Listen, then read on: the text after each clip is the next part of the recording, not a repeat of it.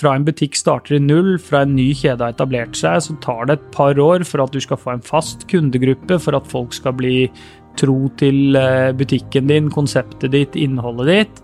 Og så må du jobbe ræva av deg i to år for å få det opp. Minimum med lønnskostnader, passe på at ikke du bygger deg opp et varelager som du må betale til banken og koster mye penger, og ha fokus på bruttofortjenesten din, at du faktisk selger varer du tjener penger på, sånn at du har penger til å betale lønn og forpliktelser og husleie og disse tingene her.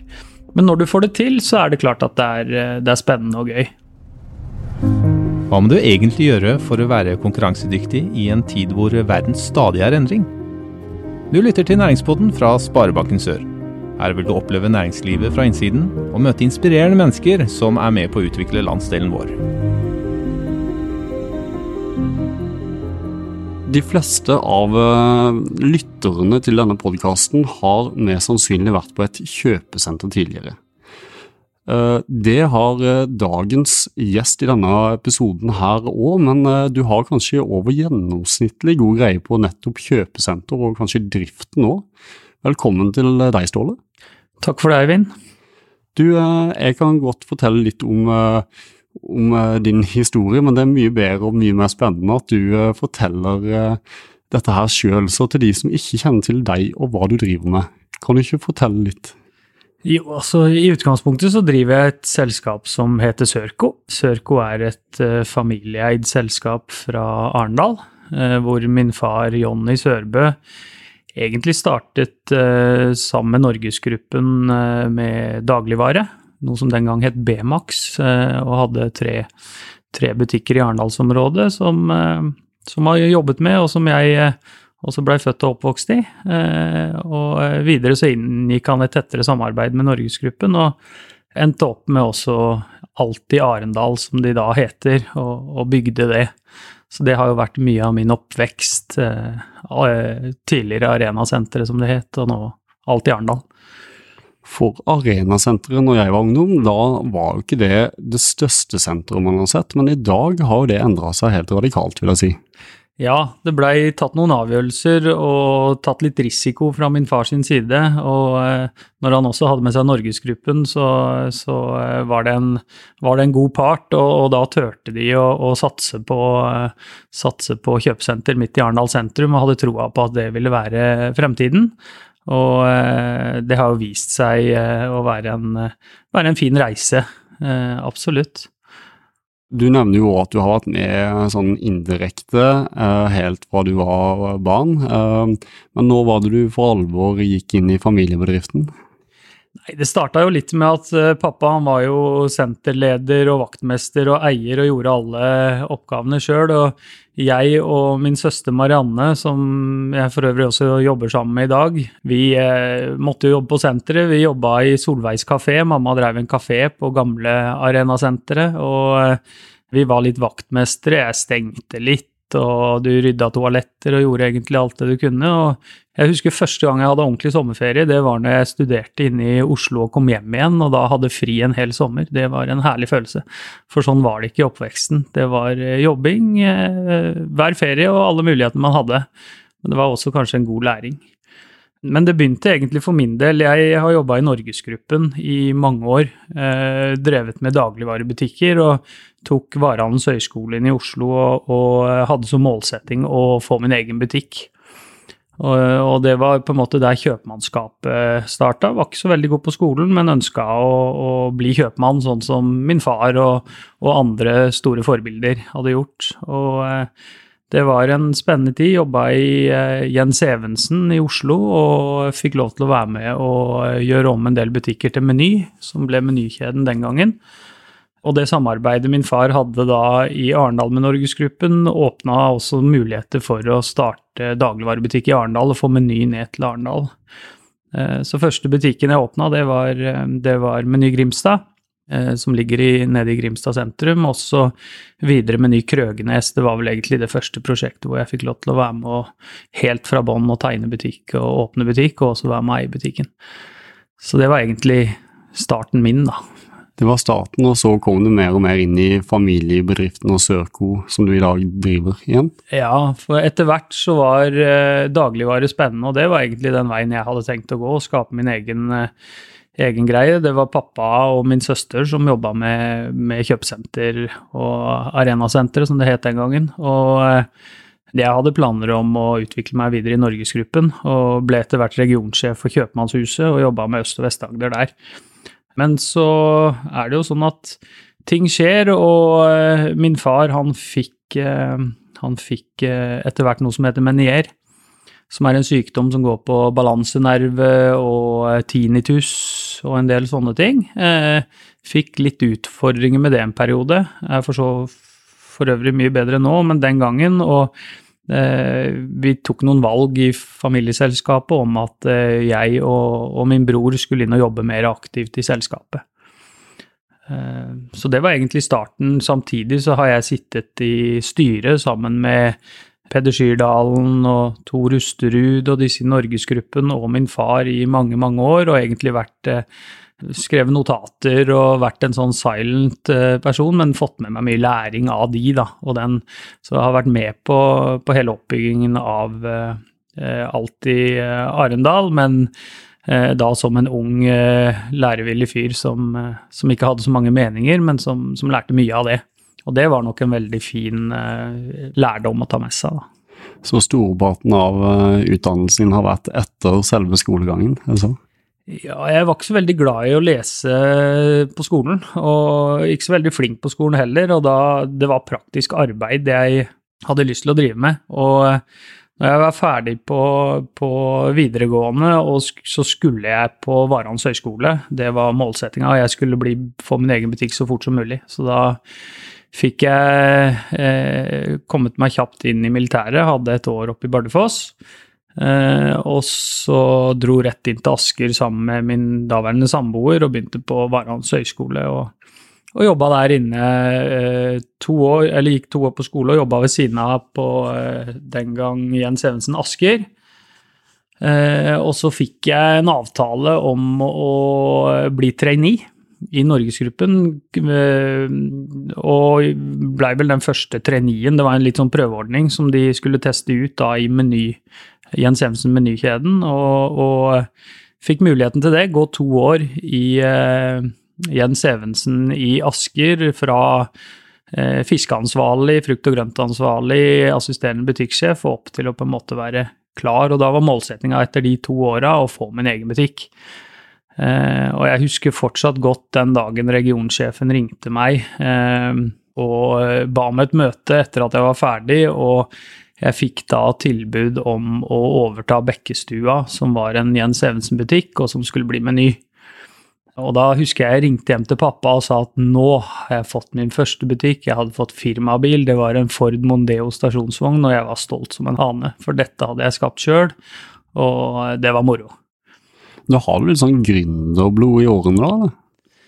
Ja, min far, min far, har jo alltid jobba mye, og, eh, og, eh, har kanskje vært det store forbildet. Eh, og tatt mye risiko. Vi er en familie som ikke kommer fra mye penger. Han har bygd grunnlaget egentlig fra, fra nulla, og det har nok vært litt kutymen opp igjennom.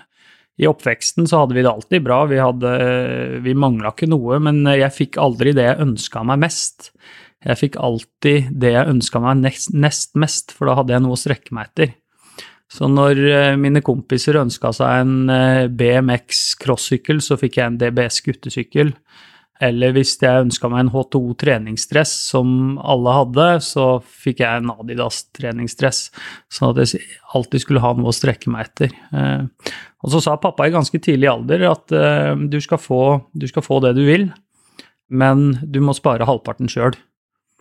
Og det er klart at når du er 10-12 år gammel og har lyst på mye, så er det å spare halvparten sjøl, det, eh, det, er en utfordring. Men eh, det gjorde også at uh, man tidlig måtte begynne å jobbe og spare sine, sine egne penger. Så så din far har hatt mye å si for hvordan du jobber i dag. og hva er det viktigste du kan ha lært av han, ser du? Det viktigste det er nok å eh, alltid være ærlig. Eh, ikke Altså, ikke prøv å være lur, ikke prøv å lure til deg en liten ting, ting ekstra, for da Det gjør du én gang, og så er du ferdig. Du må alltid være ærlig og heller stå for de valgene og de tingene du gjør. Eh, ja, det er vel kanskje det, det viktigste. Du nevnte også tidligere her at eh, du hadde flere forbilder enn din far som var hovedforbilder. Kan du nevne noen? Ja. Nei, Det er klart at når du gikk på eh, Varans høgskole, eller KI, så det var jo skolen til fra disse dagligvaregründerne som Stein Erik Hagen og eh, de som har gjort det godt i, i dagligvare. Og så på kjøpesiden, så har, kjøpesentersiden så har jo også Olav Thon vært et, et, stort forbilde. og det at man ser gründere som starter på en måte fra null, som ikke, som ikke kommer inn med en familieformue som man skal forvalte videre, men det å bygge arbeidsplasser og, og, eh, og eh, ta risiko og tørre å, og, og prøve å gjøre noe, det er vel det som det står stor respekt av. Husker jeg satt Min far eide noen aksjer i et selskap som het Sektor, hvor Petter Stordalen var storaksjonær og eier. og når jeg gikk på skole i, i, Asker, så fikk jeg muligheten til å være med på en generalforsamling en gang. Og det var, det var spennende. Jeg hadde kjøpt meg en ny dress og skulle i generalforsamling med Petter Stordalen og høre hvordan sektorselskapet skulle utvikles, og da gikk jeg på skolen og var, var ganske fersk i gamet. Uh, og kom inn, og det var en annen småaksjonær, for det her var jo bare bitte, bitte små aksjer, så egentlig så hadde jeg ingenting der å gjøre. Men jeg tenkte at det her tar jeg som en læring, og pappa sa nå må du, nå må du gå, for dette kan du lære av. Det kan være spennende. Uh, så gikk jeg der, og det var meg og en annen småaksjonær, og så kommer uh, Petter Stordalen inn med skinnjakke og skinnbukse og skulle på en sånn motorsykkelturné rundt om i landet. For da drev han med hotellene og noen kjøpesenter, og, og kom litt sånn seint inn. Og, og, vi gjennomførte generalforsamlingen, og litt i etterkant så spurte han ja, hvem er du, hva gjør du her, hvem representerer du? Så fortalte jeg det at jeg gikk på Varans høgskole og studerte, og at pappa hadde et par aksjer, men at jeg tok det her som en læring, og fordi jeg hadde lyst til å se hvordan forbildene mine egentlig gjorde det. Eh, og da satte han seg ned en time i etterkant av generalforsamlingen og fortalte om selskapets utviklingsmuligheter. Han syntes det var så interessant at jeg som skolegutt egentlig hadde lyst til å komme og høre hvordan han tenkte. Og, eh, og, det, og det, ga meg på en måte en eh, det var gøy å se at man hadde lyst til å, gi av sin erfaring. Og det gjorde nok også at jeg syntes at det var spennende å, å skulle jobbe med kjøpesenter og de tingene der, da. Så bra. Du, eh, da har vi snakka litt om uh, tida tilbake, men hvis vi går frem til nåtiden, hva er det mest spennende med arbeidsdagen din, Ståle? Det mest spennende er egentlig å, å se mulighetene som dagens marked gir.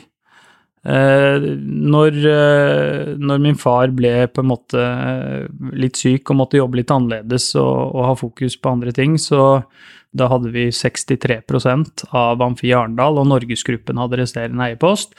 Og så hadde han akkurat solgt et selskap som han eide sammen med Norgesgruppen, som vi hadde litt penger på bok. Og så er vi fem søsken, så det å overta ansvaret for et, eh, et uh, familieselskap med fem søsken, det, det, føler man litt på. Uh, og da ga vår far muligheten til å selge oss ut hvis vi ønska det, for vi hadde fått litt aksjer hver. Og, eller om vi ville være med videre, men hvis vi skulle være med videre, så måtte vi også være med på å kunne risikere aksjeposten, at dette kanskje ikke ble noe av.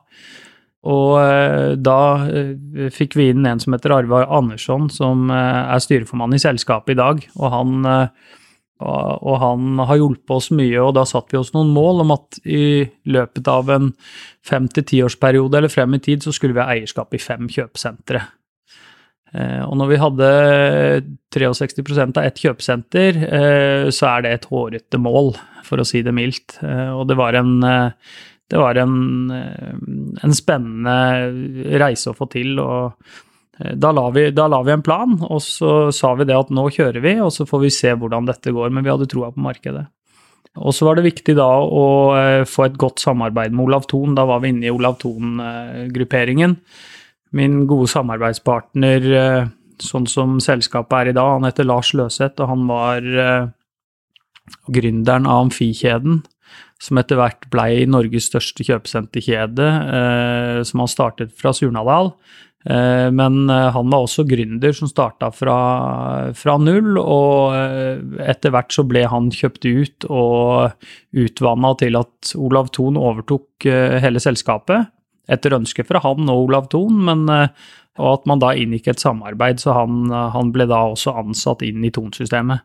Og det samme blei jeg, når vi etter hvert, for vi kjøpte to kjøpesentre sammen av Ton, eh, Kragerø og Mandal.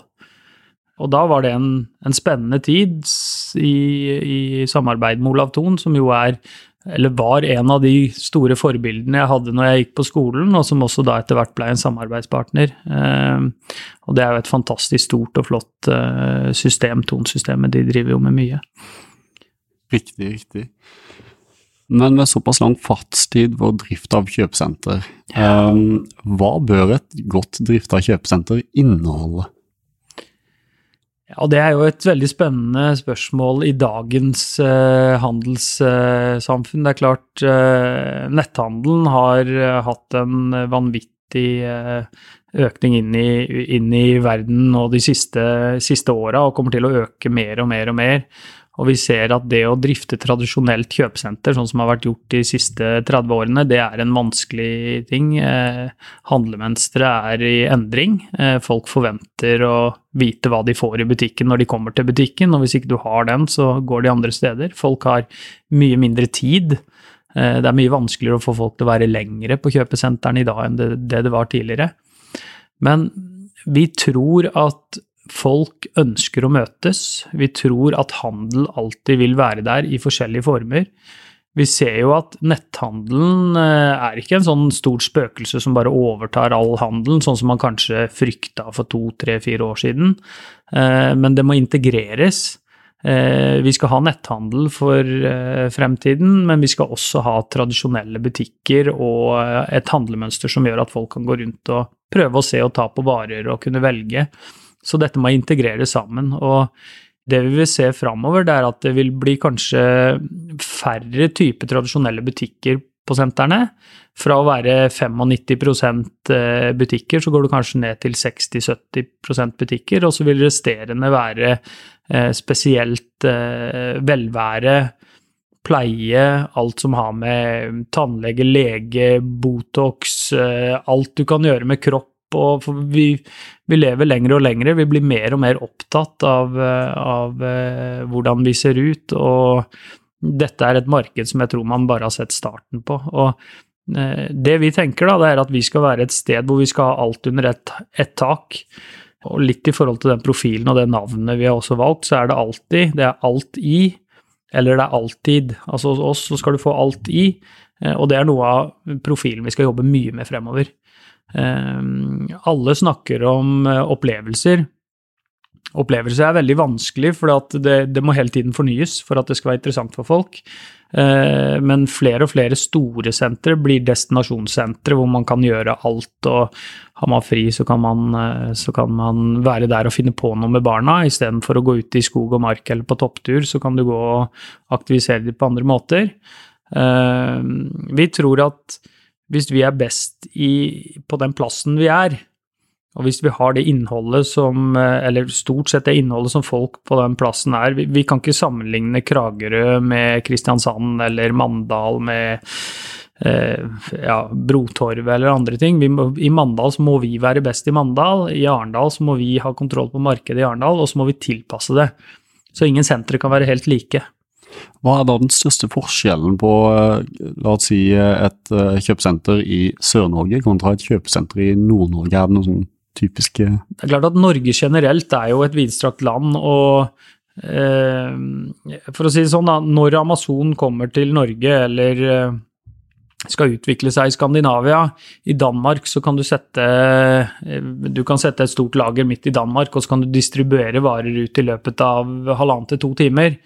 Eh, I Norge så er det vanskelig, for skal du til Surnadal, hvor hovedkontoret vårt ligger, så kommer du ikke dit umiddelbart fra Oslo. Det er ferger, det er transport. Det er så, så sant ikke man begynner å fly varer med droner, som, og, og, vi tror sånne ting er langt frem i tid.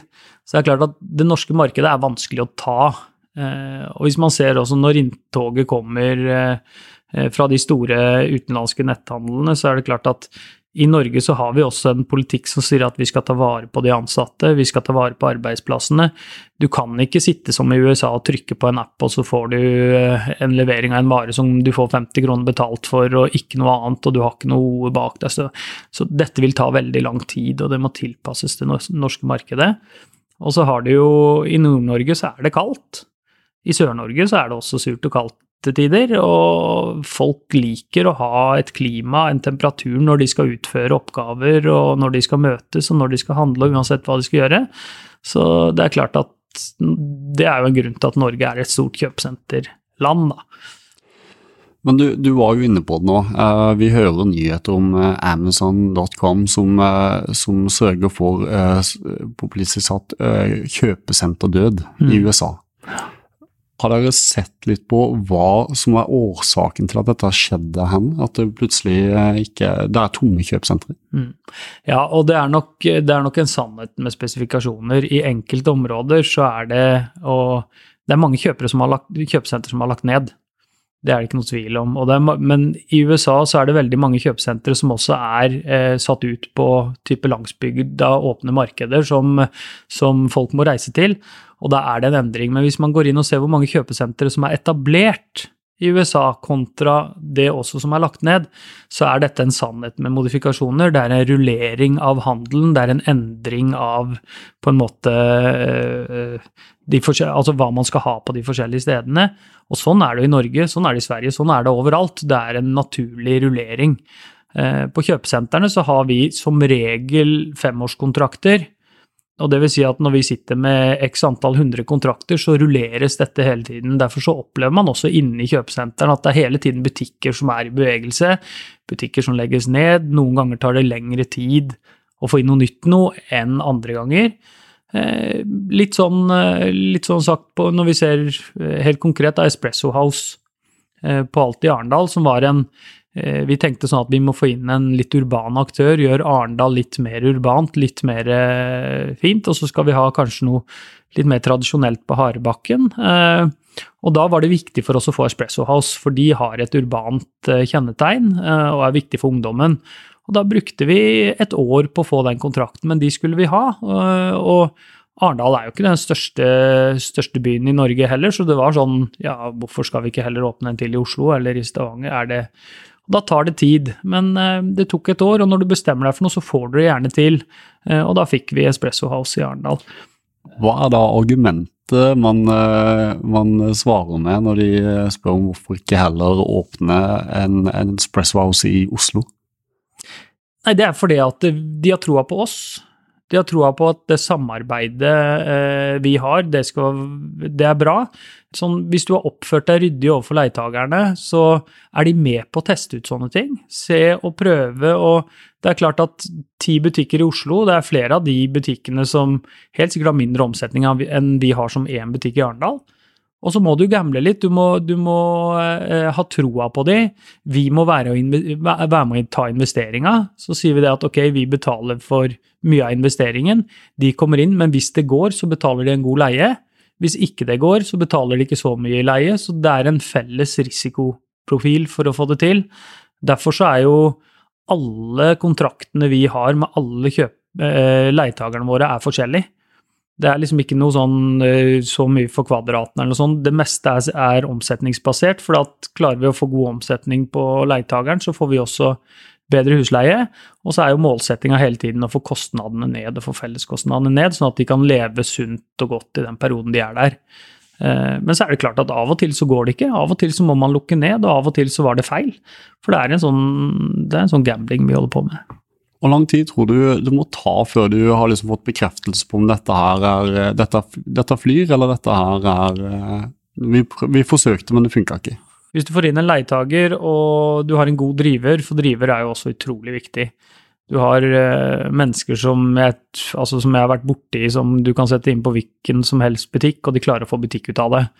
Uh, der er det litt sånn uh, ja, 50-50. Noen er der for å, å, ekspedere, og noen er der for å selge gjerne når du ansetter folk i butikk. Masse dyktige butikkdrivere, butikkjøpmenn, medarbeidere, eh, men det er også mange som, som er der for å tjene, bare tjene penger og ikke noe mer enn det.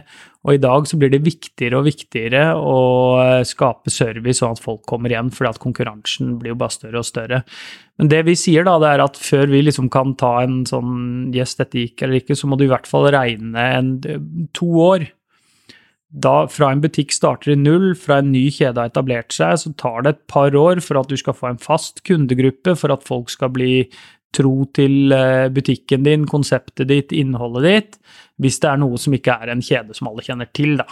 Eh, men er det jo en som skal, skal, starte å drive, så er det en sånn toårsperspektiv. Og så må du jobbe ræva av deg i to år for å få det opp. Minimum med lønnskostnader, passe på vare, varelageret ditt, at ikke du bygger deg opp et varelager som du må betale til banken og koster mye penger, og ha fokus på bruttofortjenesten din, at du faktisk selger varer du tjener penger på, sånn at du har penger til å betale lønn og forpliktelser og husleie og disse tingene her. Men når du får det til, så er det klart at det er, det er spennende og gøy. Hvis du ser, eh, ser en sånn fellesnevner på de som ikke har fått det til, da, bare for å ta det, hva, hva er det de aller fleste faller på? De, de tre, tre, tingene som jeg sa. Det er klart, eh, min fru driver jo sportsbutikk på senteret, og det var en utfordring. Hun er, eh, hun er utdannet pedagog, og når hun sa at hun hadde lyst til å drive sportsbutikk, så sier jeg at ja, det hører jeg du sier, og jeg skal støtte deg i valget ditt, men eh, det skal ikke jeg ta stilling Det her må du gjøre sjøl. Jeg kan ikke drive butikk i butikken eller noe sånt, og du må få samme leiebetingelser og samme betingelser som alle andre, men går det gærent, så skal jeg heller hjelpe til. Men det var sånn som jeg sa til henne da, hvis du har fokus på lønnskostnadene dine, og så må du ha fokus på bruttofortjenesten din, at du faktisk kjøper inn varer som du kan selge med, med en viss fortjeneste, sånn at du har penger til å, å selge ut. Og så er det omløpshastigheten på varelageret ditt, at ikke du bygger deg opp et varelager som koster mye penger, for de varene de betaler du jo rente for til banken eller, eller hvor du har det. Det er de tre tingene. Får du til det, pluss at du klarer å få til en god eh, atmosfære i butikken med ansatte som faktisk har lyst til å bidra til arbeidsplassen og ha en trygg arbeidsplass, så får du det til. Bommer du på ett av de tre tingene, så er det fryktelig vanskelig. Eh, så det er vel eh, og det er, og det er jo litt sånn at overskuddet på en butikk, altså fra, fra pluss til minus, det er gjerne én til to ansatte. Uh, og det er liksom fra å gå en million i pluss til å gå en million i minus. Det er om du har én uh, ansatt for mye på jobb til enhver tid, eller en ansatt for lite på jobb til enhver tid, enn om du klarer å liksom ha riktig bemanning på butikken. Da. Så det er små marginer, men det er gøy når det går. Uh, så hvis det er en av lytterne våre som, som faktisk tenker å starte en butikk eller en eller annen næring, kan du nevne Eh, ett tips som du eh, vil gi dem for å lykkes? Ja, du, du, må, du, må, eh, du, må, finne på noe som du har troa på at du kan selge. Og det må være noe du interesserer deg for, noe du brenner for. sånn at du klarer å, å, å, få kunder som har lyst til å, å kjøpe produktet ditt. og så må du lage en ordentlig forretningsplan. Du må sette deg ned og, og uh, sette opp alt av utgifter. Du tenker deg hva det koster, og litt hvor mye du må investere i starten. Vi ser at veldig mange som går inn med friskt mot, de har et, eh, de har en, uh, de har et gjennomtenkt og godt konsept, men så må de gjerne investere en million og to for å, å kjøpe butikkinnredning, for å, å, lage konsept og sånt. Og det er gjerne det som henger etter, og som de dreper seg på, fordi de har for store kostnader i starten. Eh, hvis vi har tro på konseptet og tro på den som kommer inn og har lyst til å drive butikk hos oss, eh, så er vi gjerne med å lage trappeløsninger på husleia i starten, lager eh, kanskje billigere husleie det første andre året fordi at vi tror at dette blir en langsiktig investering, og er med på å ta den investeringa. Men da må vi ha troa på at dette er seriøst, det er gjennomtenkt, og at man har på en måte familien med seg, og at alt er alt er på plass. For det er utrolig mange som kommer og sier de har en idé, og spør om de kan låne, leie et lokale. Det kan du ikke hos oss. Du må ha gjort hjemmeleksa før du kan For hvis ikke så går det et halvt år, og så blir det et problem for oss, for da må vi gjøre noe annet. La oss ta fram glasskula. Ja, spennende. Om fem år, Ståle, hvor, hvordan ser et kjøpesenter ut da? Litt som jeg var inne på tidligere. Eh, alle kjøpesentrene som da er, vil, eh, vil, se forskjellige ut. Det kommer an på om du er i Arendal, om du er i Oslo eller om du er i Mandal eller hvor du er hen. Eh, kjøpesenteret vil tilpasse seg fortsatt det markedet det er i, men jeg tror aktørene vil, vil endre seg. Det vi ser da på utleiersiden, det er jo at det er flere og flere aktører som Det, det blir mye kannibalisering, som det heter. Eh, du kan kjøpe sjokolade på Power. Du kan alle prøver å finne varer som de kan tjene penger på, og, og, og, det blir mindre og mindre likt. Men de kjedene som klarer å, klarer å, å eh, identifisere seg med noe som kunden kjenner godt igjen, og være tro på konseptet sitt, eh, de tror jeg eh, overlever og vil gjøre det veldig bra.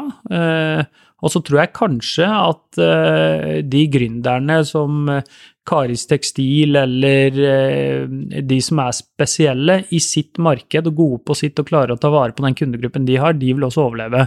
Men de som ikke finner plassen sin og prøver å bytte ut varesortimentet hele tiden for å, å finne ting å tjene penger på og ikke har en klar profil, der tror jeg de vil forsvinne mer og mer og mer. For eh, nå har vi egentlig hele, hele varespekter, hele verden, har vi i nærheten av oss fordi vi kan få tak i det.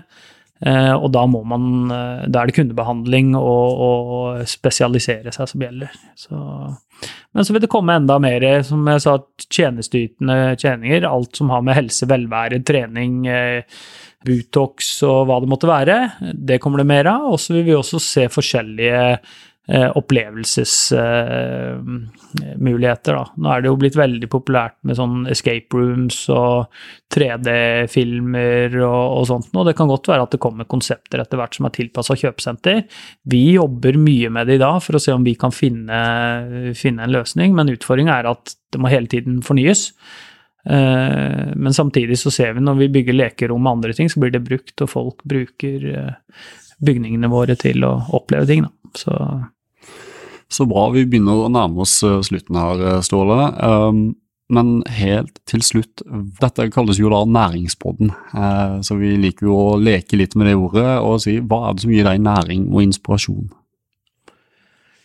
Nei, det er å se når folk lykkes, når vi klarer å, å åpne butikker som går bra, når vi klarer å gjøre et eller annet. Vi har, jo, vi har ikke snakka så mye om Arendal sentrum, men vi har jo eh, en som heter Petter Aaland, som vi ansatte for tre år siden, som egentlig fikk i oppgave å være med å utvikle Arendal sentrum. Og i et samarbeid med andre gårdeiere der også. Og eh, det, når det skjer et eller annet, når du, når du kommer på en idé og du faktisk ser at dette blir realisert, det er eh, det er det som virkelig eh, eh, gjør at man har lyst til å holde på med det man holder på med. Flott. Du, da vil jeg egentlig bare si tusen hjertelig takk for en hyggelig prat. I like måte. Du lyttet nettopp til næringspodden av Sparebanken Sør. For flere episoder, gå inn på sor.no slash podden. Her kan du gi ris eller ros, samt tips til andre næringsdrivende vi bør intervjue. Thank you.